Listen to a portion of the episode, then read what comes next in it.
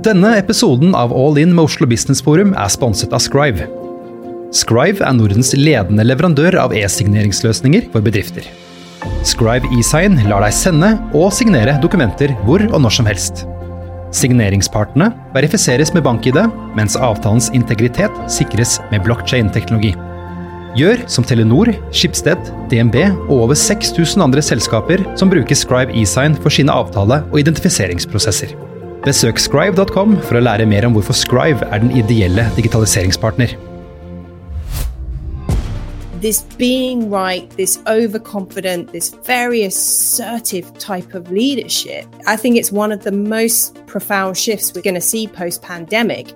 It's not necessarily what we want and it's not necessarily what we need.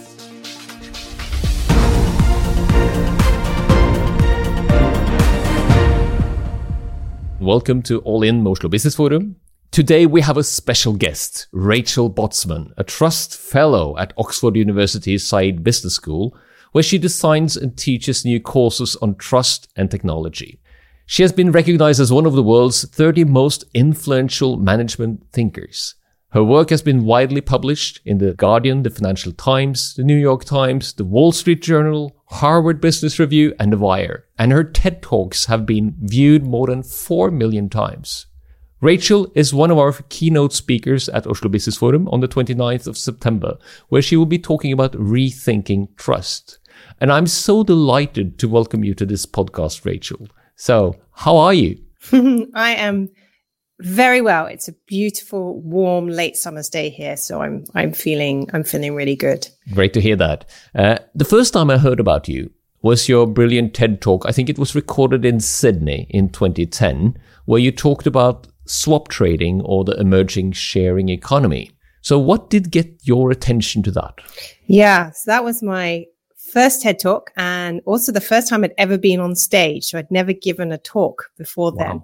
Um, and uh, I had been looking at what was happening with how technology was changing the way that if you had a want or a need and I had a have, how those things could match and find one another.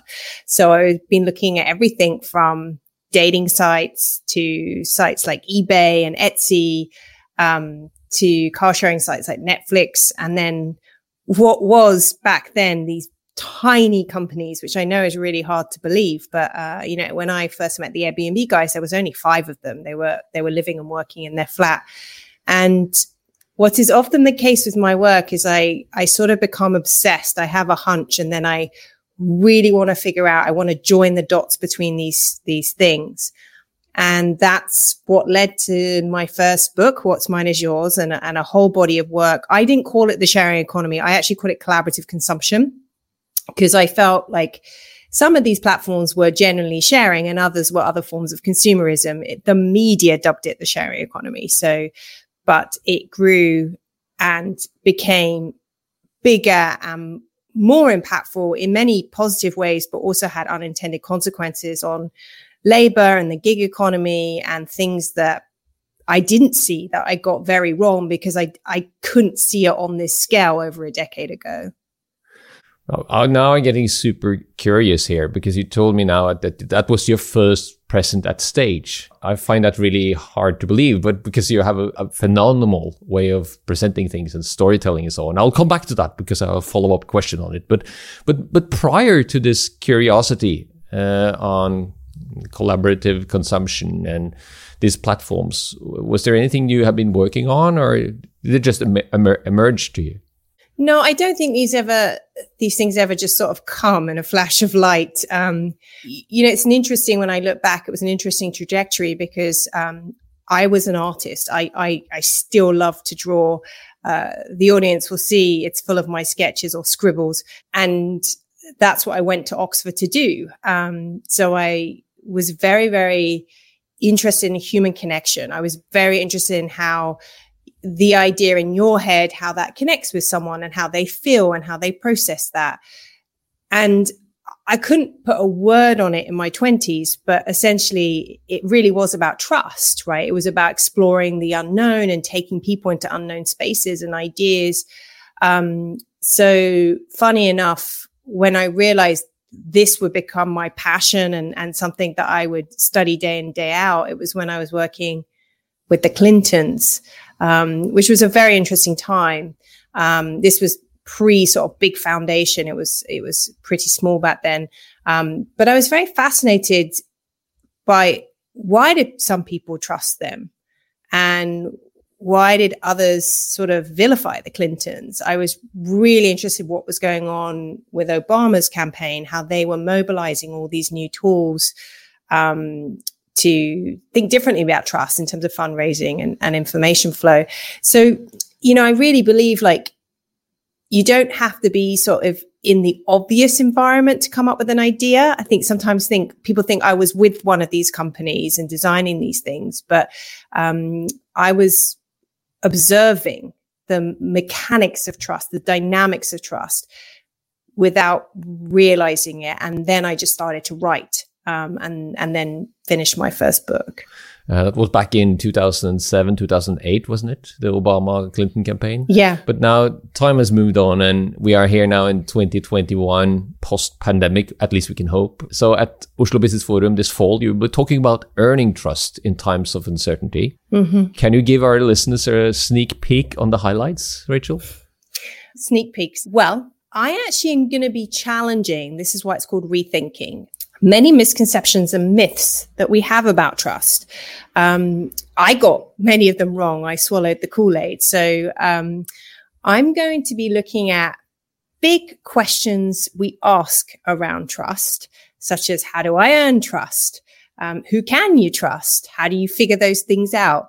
Um, because I think they're the questions that people have in their minds. They're quite personal questions, but that you can apply to all different areas of your lives. You can apply them to a political figure, business leader, an institution, your own team.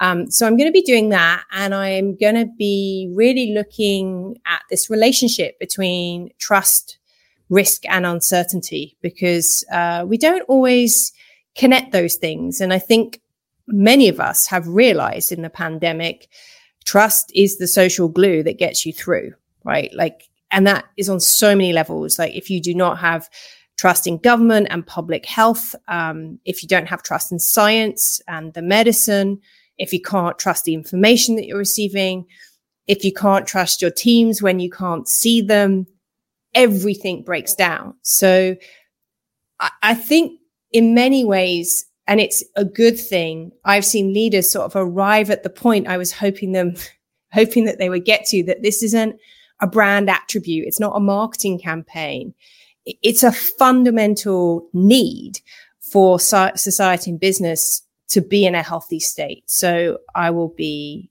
unpacking and explaining that in hopefully a fun and interactive way. I'm sure that you will. And uh, from your perspective and the view that you have on leaders and businesses, can you talk a little bit more on how they've dealt with trust during the COVID pandemic? Do you have any examples or anything we can relate to? I don't think it's a, a one size fits all answer. So it was really interesting that, you know, I would say you sort of got what I've seen in businesses and leaders fall into three buckets. Mm-hmm. Um, you've got those that have very strong cultures before the pandemic and they had to figure out sort of the mechanics of how does everyone work virtually? How does this work? But fundamentally, they trusted people. They didn't doubt whether they would get work done they understood that people had other commitments that they might have to take care of their kids. They didn't micromanage manage them or in even worse, introduce sort of surveillance technology where you could see someone was at their desk or not. So you've got sort of it was more the mechanics of making this work. The second group I think is really interesting, and I heard a lot about this um, from particularly leaders in financial services, where there is sort of a, a culture of being very present that you need to be seen um, and professional services as well, like high pressure environments, that they actually saw trust increase. So once they figured out like how this was going to work and the dynamics, um, not watching people actually made them more productive. And now their worry is like, how do you retain that, what they actually created when you move into this hybrid model, which is, is the hardest. Mm-hmm. And then the third category, unfortunately, um, is where trust really broke down. So a sign that there is a lack of trust is control. And, you know, some teams, not many, but some teams I went into, some in education, I have to say, um, healthcare, people were broken. Um, this, this, this pressure to sort of, uh, show that you were doing your job, um, and this fear from middle management that they were now irrelevant because there wasn't that physical layer. So it's really interesting the cultural impact uh, that the virtual working and now the hybrid working has had on the dynamics of, of trust and culture exciting. And back in 2018, I remember, Rachel, you talked about rules of trust and the third trust shift in history. And you actually encourage us and maybe everyone to take the trust leap. And the, the pandemic have actually shown us that, that we have to kind of trust that uncertainty. Am I right? Yeah, no, I mean it's it's weird. So the pandemic is a fusion of two ideas, if you want. So I, I spoke about this shift from local institutional to distributed trust, and and in many ways, this form of working that we were forced to figure out is a form of distributed trust, right? So you can't rely on sort of the centralized hierarchical physical institution to keep people together. And then you're spot on, you know, I'll be talking about trust leaps, which is whenever you have to take a risk to do something new or to do something differently, you need people to behave differently. That requires trust. And sometimes trust leaps are accelerated during times of uncertainty. Um, and that is, you know, if you told people this, this is how they were going to work, that trust leap might have taken 20, 30, 40 years. It may never have happened, this redesign in how we work. So it is interesting how external pressures can force or enable new kinds of trust leap. And not to mention external shocks, because this is what it is, isn't it? I mean, it, it, was not, no one thought that kind of the working force could be kind of put to this kind of test. We have had digital tools around for decades, but now suddenly everyone needed to use it. And then you have to explore that, that gap or that, that probably lack of trust and I know that from education, I've been there for 20 years. The biggest challenge here in Norway has been that the students or the pupils at undergraduate schools have been allowed to log off their cameras. So the teacher were not able to see them. And does, yeah. does a lot with the environment for learning. Yeah. I mean, there's so, I think, I think of my students at the university where I actually, they actually kept their cameras on, which I was quite proud of that they wanted to do that. But I felt for them because so much of trust is tied to expectations and their hmm. expect. I'm talking about this cohort. So the ones that came in sort of September, they thought they would be back, right? End of summer last year. And they've had a really rough time. And many of them do not trust any professors or the institution. Um, I also think of my own kids. So uh, I had to homeschool two primary school children. They they actually said they don't know how I teach anyone because I was terrible. Um, but that's because they learn. So d- this is not how I learned maths. And then I I don't think I did grammar at school because I literally had to go to the bathroom and Google some of the the terms they were coming home with. But you know, my son, I couldn't look after a six year old and teach him and teach my university students. So I just let him get on with it. But I think that was too much trust because I'm sure he played hours of chess and I Probably. he's fine though, you know, like it's all okay as I get some, but I trusted him too much um, because when I found out what he was actually doing, it wasn't what I thought he was doing. So it can work both ways. Well, in the long run, you will know he will sue you or not, or he will. Be... Let's hope not. Everyone wants to sue their parents, right, yeah. in some shape or form maybe that's the yeah.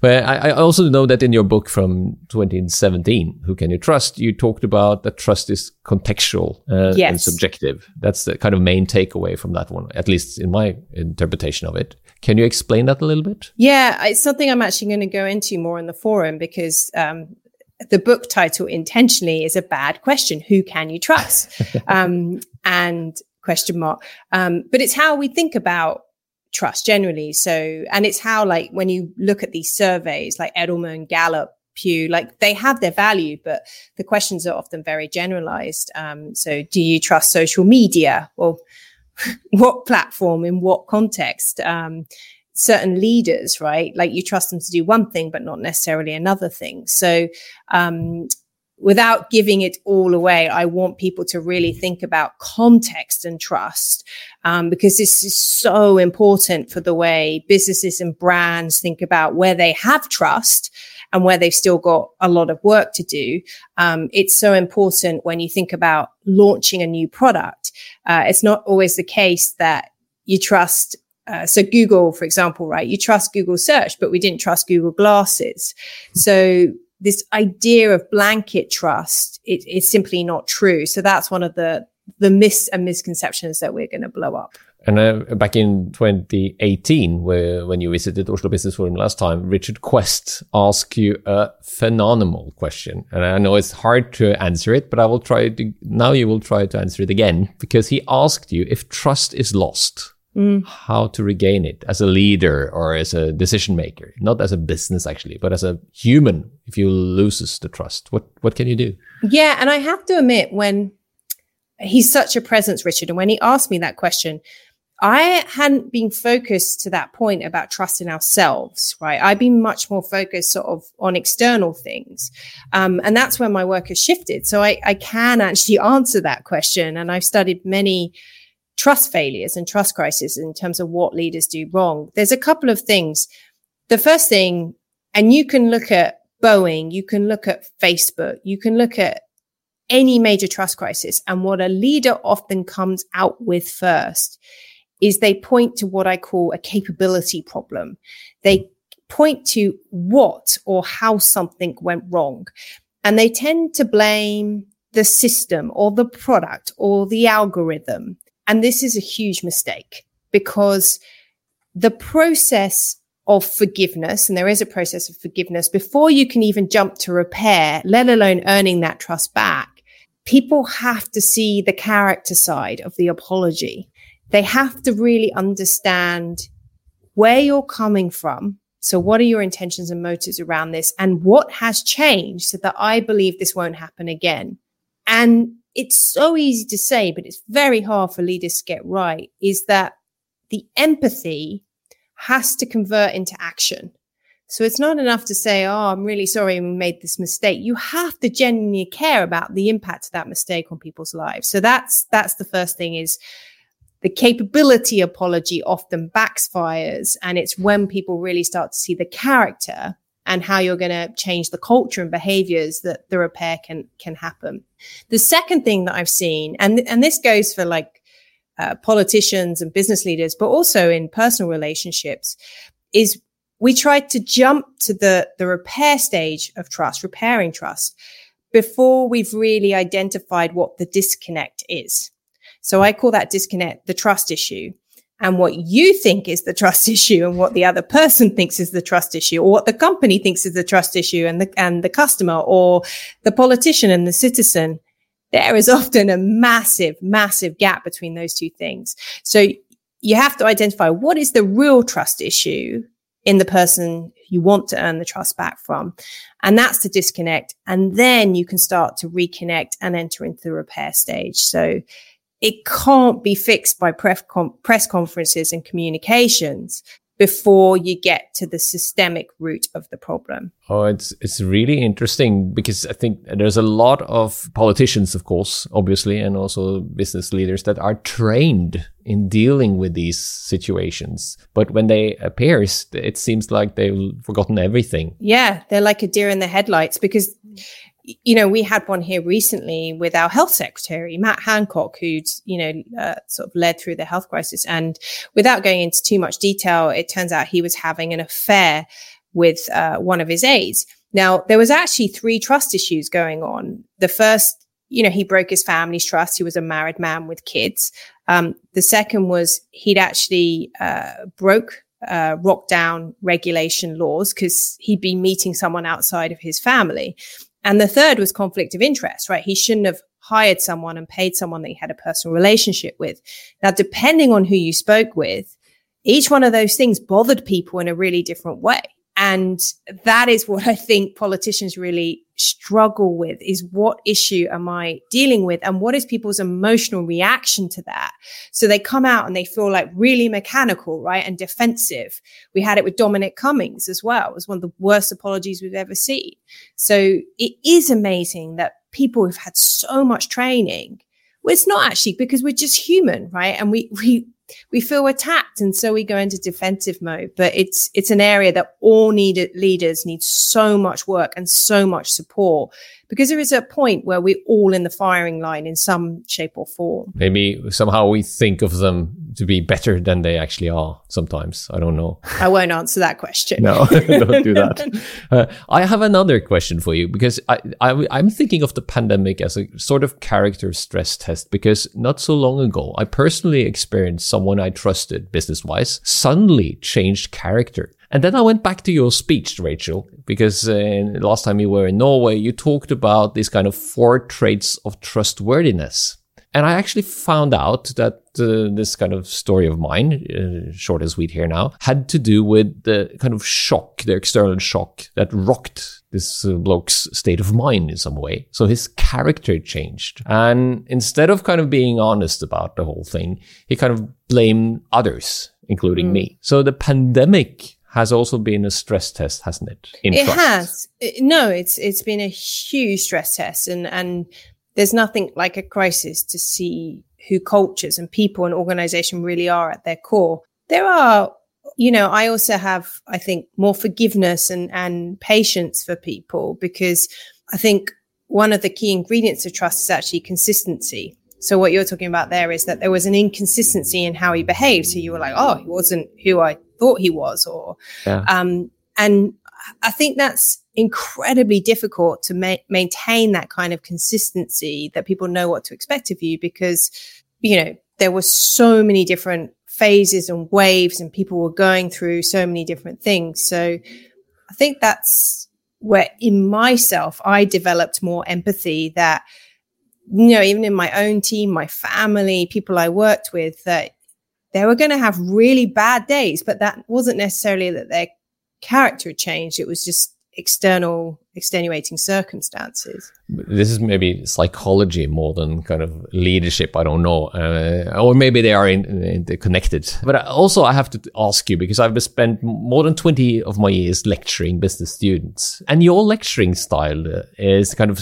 on storytelling is one of the best I ever experienced, Rachel. And from Oslo Business Forum, they told me that you've been rated as one of the best speakers ever. I think you got 5.79 out of 6. That that's kind of the bar there, Rachel. But what is your secret preparing on the lecture on the keynote speech, Rachel? Well, I feel a bit of pressure now. Yeah. like I would rather have got a 3. There's only one way you can go down.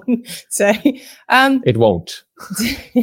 so, this is a hard question. I 90% of the work happens before I hit the stage, right? So it may look very relaxed and I am quite relaxed up there. It's, it's quite interesting. I, I don't know what I, but I find it very relaxing. So you're very calm, actually. Yeah.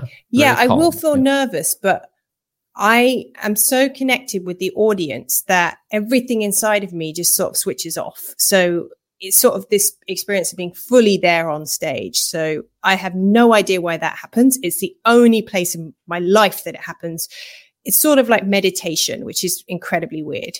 Um, so 90% of the work happens beforehand. And the way I plan them is I storyboard them. So I don't actually write a speech. It's actually right in front of me, the one for Oslo, because I just started working on it. So it's on my wall in front of me here. And I call them like sort of chapters and they will all have a post-it note and I will draw what I think is going to happen in that chapter and I'll start to map out key points. And then I move them around. And then I think of, you know, I think of myself and the audience and when I need to interact with them and when they need some energy and then when I can go deeper on something. Um, so that's, I'm always thinking about what do I want them to feel as much as what do I want them to think? And this is really important for me as a speaker and a teacher and a writer is I'm always saying I really hold on to this idea that I like to teach people how to think, not tell them what to think. And that's what I hope people experience because I think many speakers they come on stage and it's quite prescriptive and like you should do this this and this or this is this is what happened or here's five points. That's not me. And some some audiences hate that right? Because they want the recipe. Whereas i'm like if i can teach you how to think differently about something you can apply that to all different areas of your life. And then the stories i don't know like some of the stories just come to mind when i'm on stage and my husband's like whenever he's in the audience there's one about him because he's sitting right there and he's like you know why'd you do that? It's just not fair.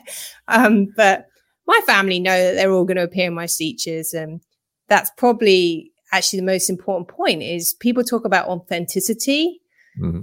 i think it's raw it, it's it's got to be realer than that you've got to feel a story otherwise it's not going to land on the stage so if you're not laughing inside or angry or feel like you're going to tear up, it's probably not a great story to tell.